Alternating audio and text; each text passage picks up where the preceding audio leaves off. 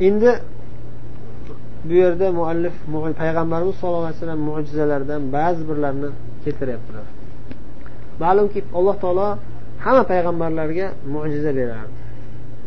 Toki odamlarni haqiqiy payg'ambar ekanligiga ishontirish uchun. Rasululloh sollallohu alayhi vasallamga esa eng katta va eng buyuk mo'jizalarni bergan alloh taolo. Hamma payg'ambarlarga bergan mo'jizasidan bergan. Undan ziyod va undan ko'ra kattaroq kuchliroq buyukroq mo'jizalarni ham bergan. Eng katta mo'jizalari mana bu yerda aytayotganlaridek al qur'onul karim al aziz eng buyuk qur'on karim allohni eng buyuk kalomi.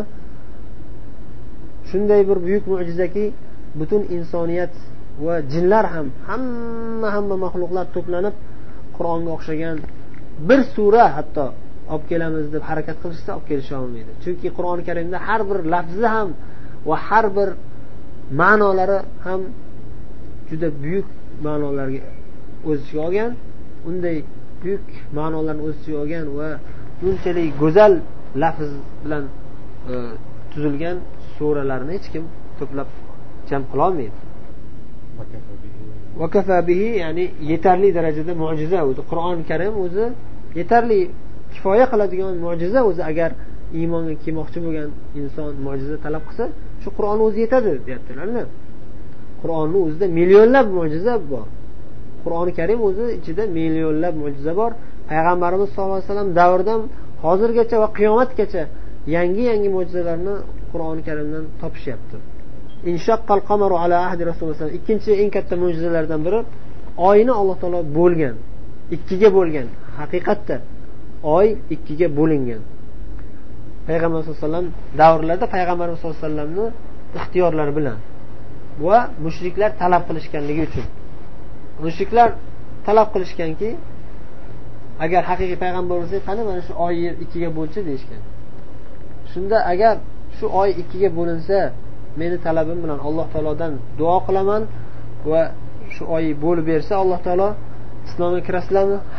Haq dinni qabul qilasizlarmi deganda mushriklar qabul qilamiz deyishgan va'da berishgan. Keyin alloh taolodan so'raganlar alloh taolo oy ikkiga bo'lgan. Shunda mana ko'ringlar deb ko'rsatganlar hamma ko'rgan. Makkada bo'lmaganlar ham ko'rgan.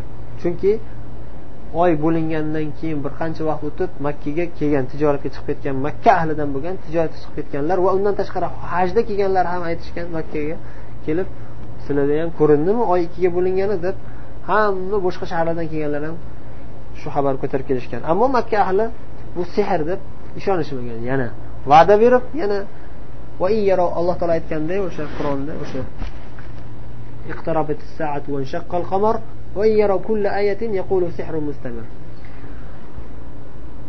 qiyomat yaqinlashdi. Oy bo'lindi. Va mushriklar har qancha oyat mo'jizalar ko'rsa ham sehr davom etayotgan sehr deb turishaveradi. Iymon keltirishmaydi degan. Alloh qalbni bekitib qo'ymasin. Qalblarimizni olloh o'zi hidoyatga ochsin.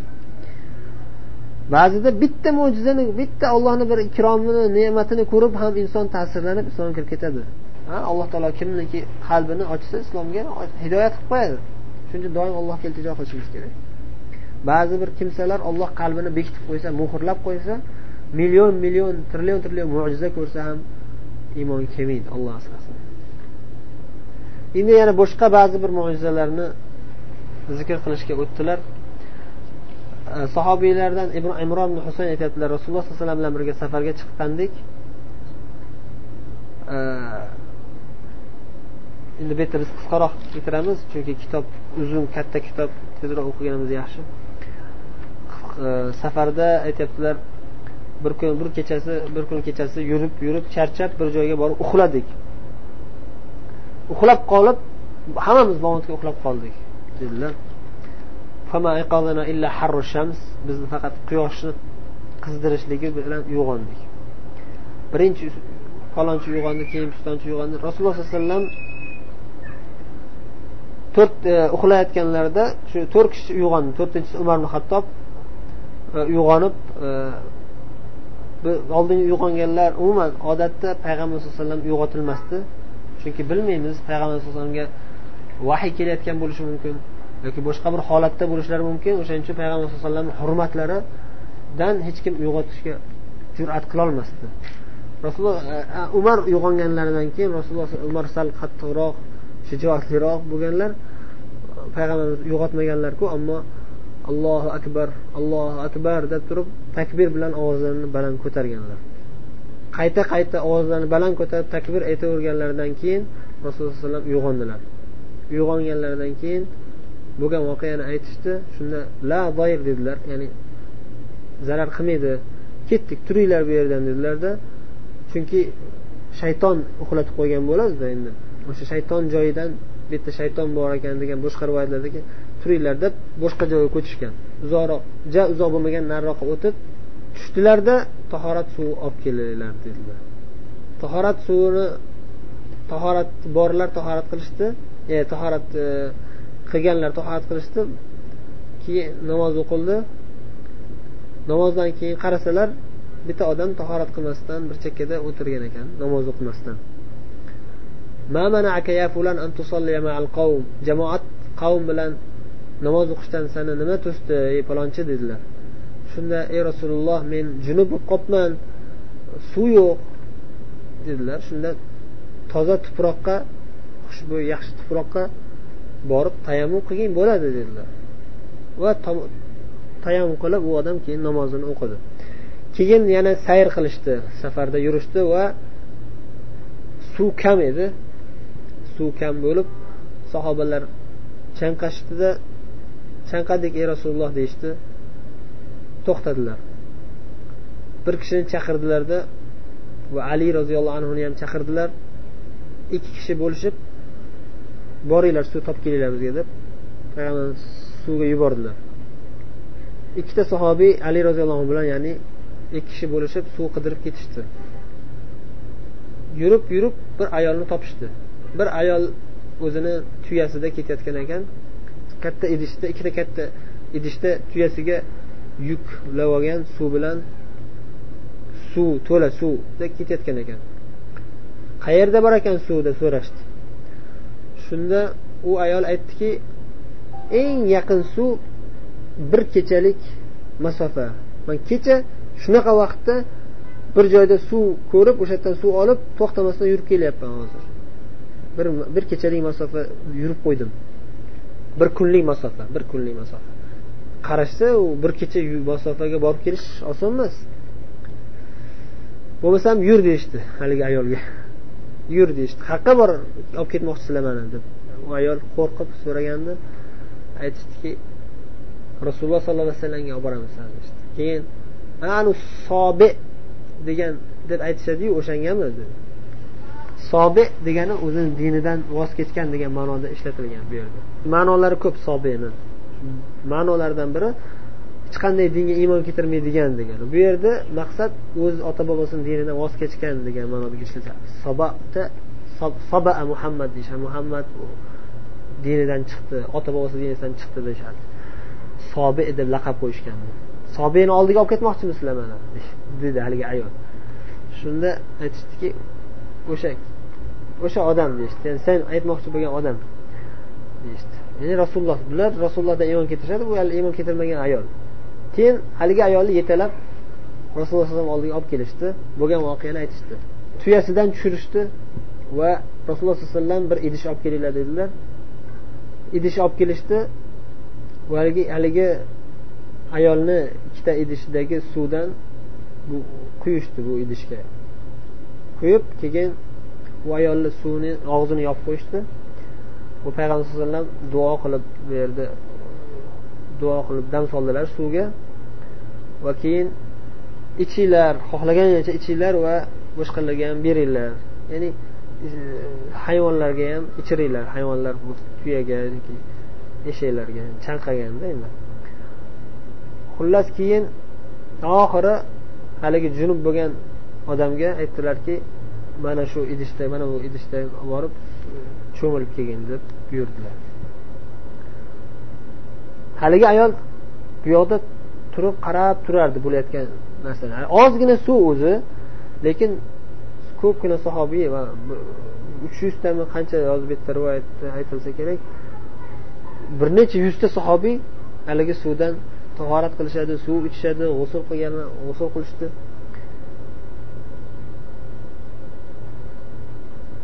وأيم الله لقد أقلع عنها وإنه لا يخيل إلينا أنها أشد ملأة أو أشد ملاءة منها حين ابتدأ فيها keyin haligi ayolni suvni o'ziga qaytarib berishdi suvdan ozgina olib dam solib keyin ishlatib uringandan keyin yana o'zini suvini qaytarib berishdi aytyaptilarki qasam allohgaki haligi ikkita idishdagi suvi oldingi holatdan ko'ra ko'payib ketdi deyapti oldin ikkita idishdagi suv to'lib ketdi haligi suv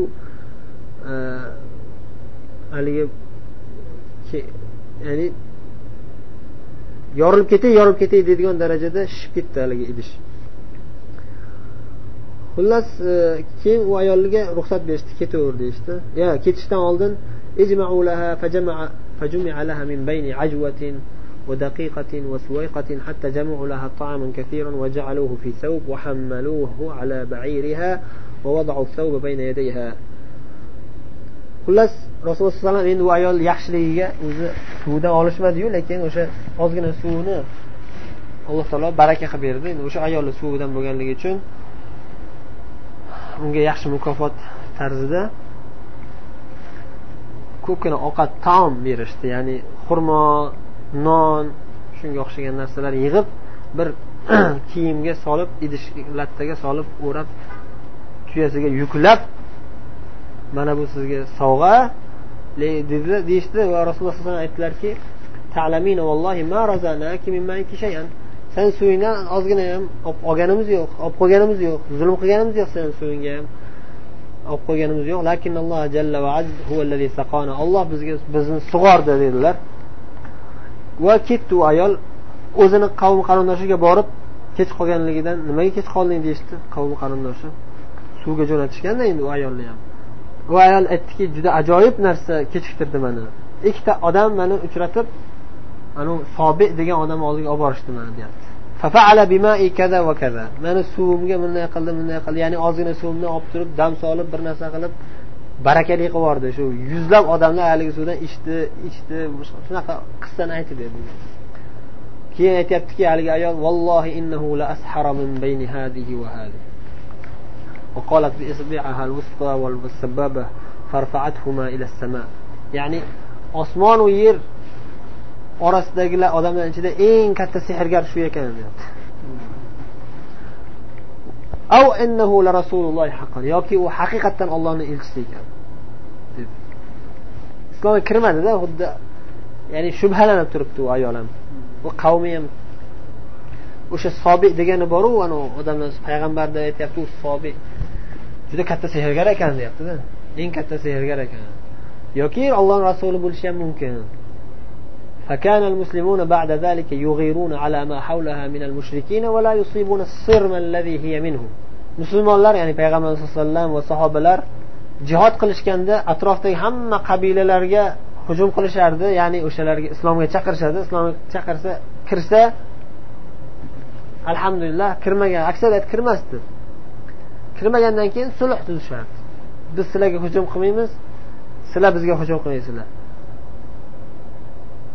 Rozi bo'lganlar alhamdulillah rozi bo'lmaganlarga urush qilishardi. Jihod qilishardi. Lekin ana shu ayolni qabilasiga indashmasdi. Ularni sulhga ham majbur qilishmasdi.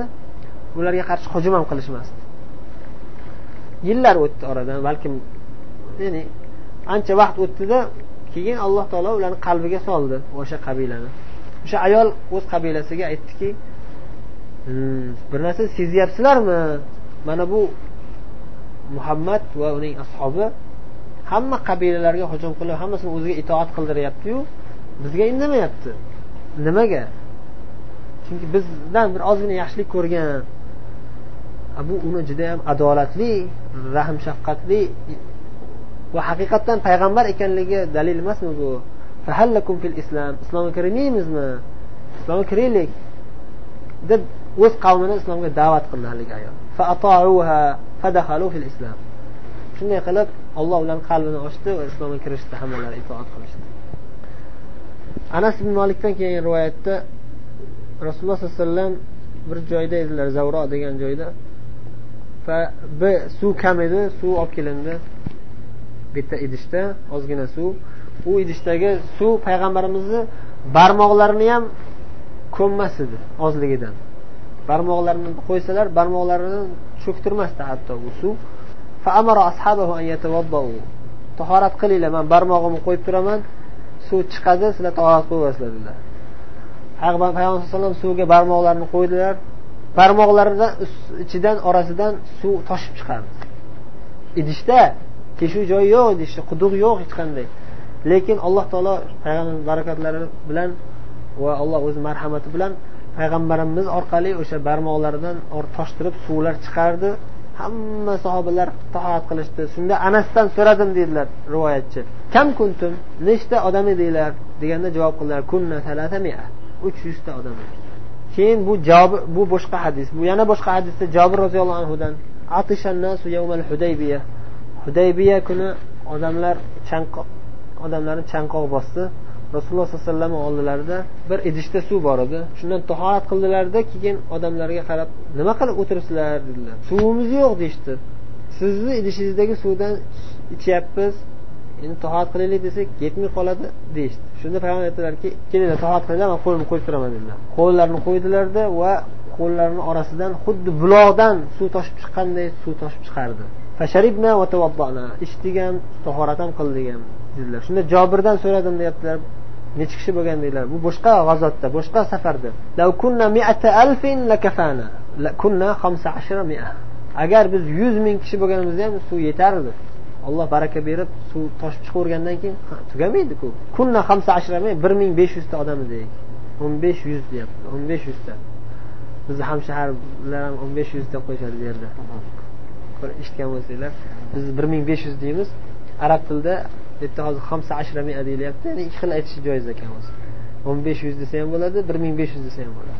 Anas ibn malik roziyallohu anhudan yana أصابت الناس سنة على عهد رسول الله صلى الله عليه وسلم فبينما رسول الله صلى الله عليه وسلم يخطب على المنبر يوم الجمعة إذ قام أعرابي bu hadis ham bir ajoyib mashhur hadislardan rasululloh sallallohu alayhi vasallam davrlarida odamlarga qahatchilik keldi bir kun minbarda juma kuni xutba qilayotganlarida bir arobiy turdida aytdiki ya rasululloh halakal mal al iyal fadulloh lana an yasqiyana ey rasululloh molimiz o'lib ketyapti ya'ni qo'ylar tuyalar suv yo'qligidan ayal avlodlarimiz och qoldi.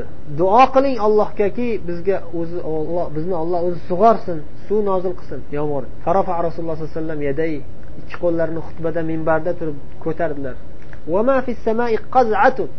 Osmonda o'sha payt bir parcha ham bulut yo'q edi. Top toza osmon. Hech qanday bulut yo'q. Duo qildilar. Duolar paytida asnosida tog'lar kabi bulutlar to'zonib ko'payib chiqib keldi ثم لم ينزل عن منبره حتى رأينا المطر يتحادر عن لحيته minbardan tushmaslaridan turib yomg'ir yoqqanligi tufayli soqollari yomg'ir soqollaridan suv oqib tushardi ya'ni ho'l bo'lib ketdilar o'sha kuni yomg'ir yog'di to'xtamasdan uni ertasiga ham uni ertasiga ham uni ertasiga juma bir hafta yomg'ir yog'di Bir hafta o'tgandan keyin yana minbarda xutba qilyaptilar. Yomg'ir yog'yapti to'xtamasdan bir haftadan beri. O'sha arobiy turdi yoki boshqa bir arobiy turib yana duo qildi. Ya rasululloh so'radi rasululloh sallallohu alayhi vasallam. Ey rasululloh uylarimiz buzilib ketdi molimiz cho'kib ketdi. Ya'ni yomg'ir yog'avergandan qo'ylar ham mollar ham tuyalar ham suvga botib ketdi. Duo qiling bizga yomg'ir to'xtasin dedi. rasul rasululloh ikki qo'llarini rasululloh sollallohu alayhi vasallam duo qildilarda lekin hikmat bilan duo qildilar u arobiy yomg'ir to'xtasin dedi rasululloh rasululloh unaqa demadilar allohimma havalayna la alayna qo'llarini ishora qilib ey olloh yomg'ir atroflarimizga yog'sin boshimizga ustimizga yog'masin dedilar qo'llarini ishora qilardilar فما جعل يشير بيده إلى ناحية من السماء إلا انفرجت حتى صارت المدينة في مثل الجوبة qo'llarini qayoqqa ishora qilsalar yomg'ir buluti o'sha o'sha tomonga chetlanardi. Chetlanib chetlanib madina xuddiki bir chuqurda bo'lib qoldi. Atrofimiz hamma yog'i bulut o'ragan illo madinani tepasi ochiq. Quduq yoki chuqur ichidagi shaharga o'xshab qoldi. Hatta salal vadi vadi qana shahron vadi qanot degan vodiy arablar arabistonda aksariyat joylar vodiy ya'ni shu anhorlar bo'lgan ilgari keyin suv yo'q qurib ketgan. Xuddiki o'shanga o'xshaydi. O'sha vodiy qanot bir oyga bir oy to'xtamasdan haligi yomg'ir suvlar bilan to'lib suv oqardi to'xtamasdan. Qaysi qishloqdan kim kelsa hammasi aytardiki juda zo'r bo'ldi yomg'ir yoki biljud allohni saxovatligi juda ko'p bo'ldi bizga bu safar deyishardi payg'ambarimiz duolarini barakotlari yana jobir roziyallohu anhudan yana bir mo'jiza rasululloh sollallohu alayhi vasallam minbar bo'lish qurilish minbar yasab berilishidan oldin bir shohni ustiga chiqib xutba qilardilar odatda. Keyin minbar yasab berishdi chiroyli qilib minbar ustiga chiqqanlaridan keyin haligi shoh endi payg'ambarimizdan quruq qoldida shoh quruq qolib xuddi homil tuyaning ovoziga o'xshagan e, ovoz bilan yig'ladi yig'lagandek ovoz chiqardi shoh.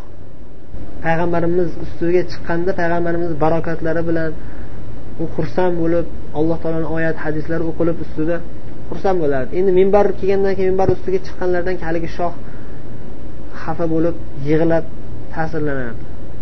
Subhanalloh.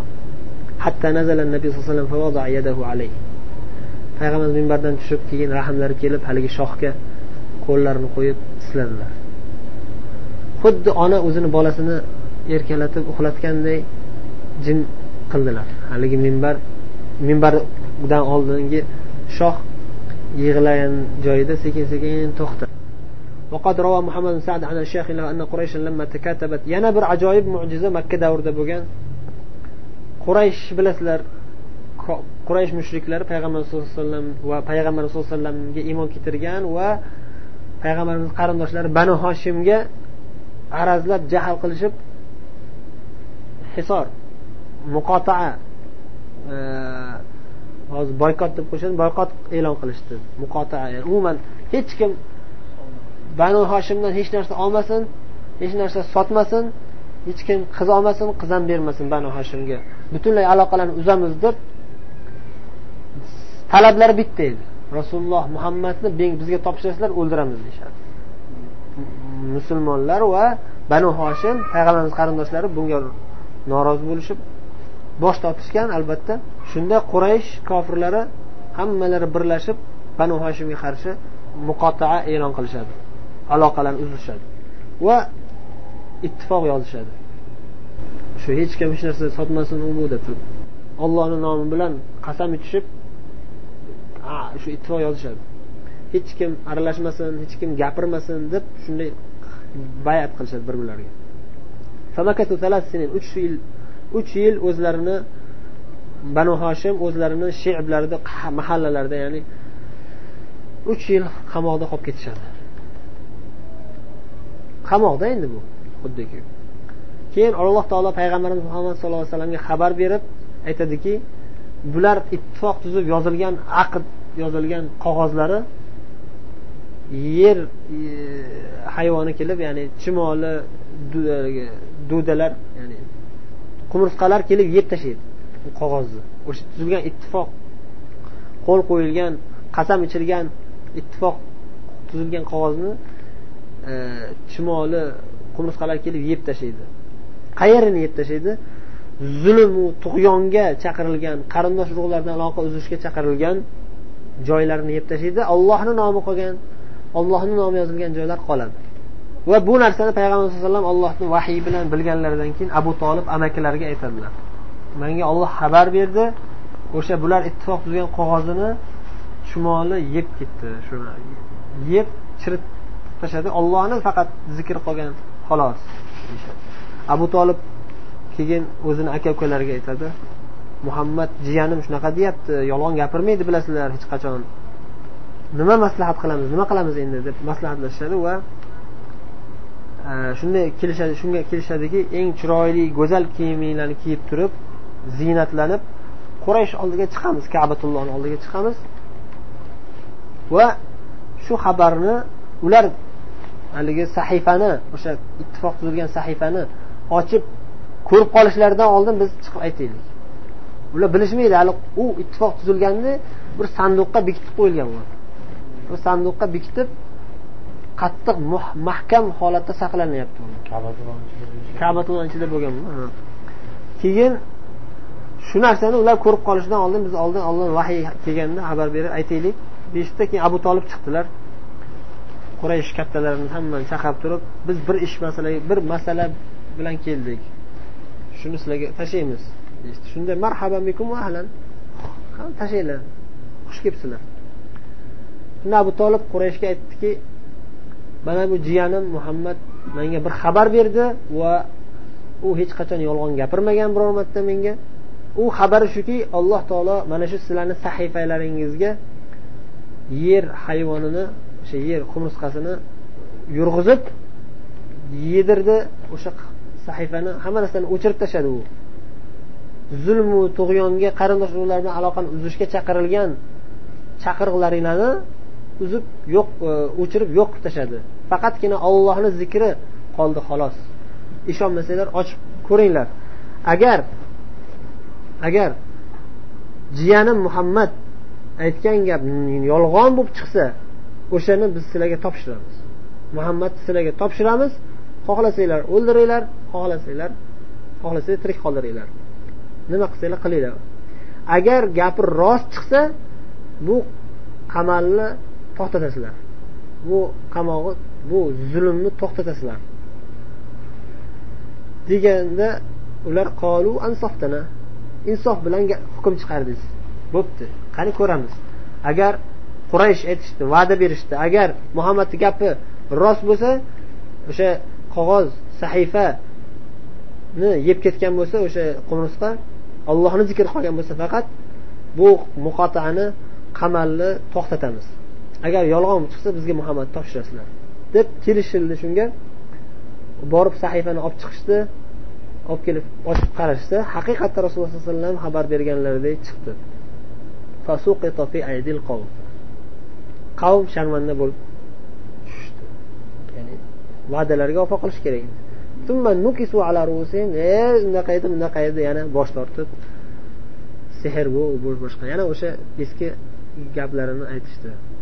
فقال أبو طالب أبو طالب شنو aytdiki هل تبين لكم من أولى بالظلم والقطيعة ana endi ko'ringlar o'zinglar kim zulm va aloqa qarindoshlarga aloqasini uzib harom ishlar qilishga kim yaqin ekan sizlarmi yoki bizmi ana o'zinglar ko'ringlar endi deyishdi hammalari ovozlari o'chib mot bo'lib ketishdi سبحانك اللهم وبحمدك نشهد أن لا إله إلا أنت نستغفرك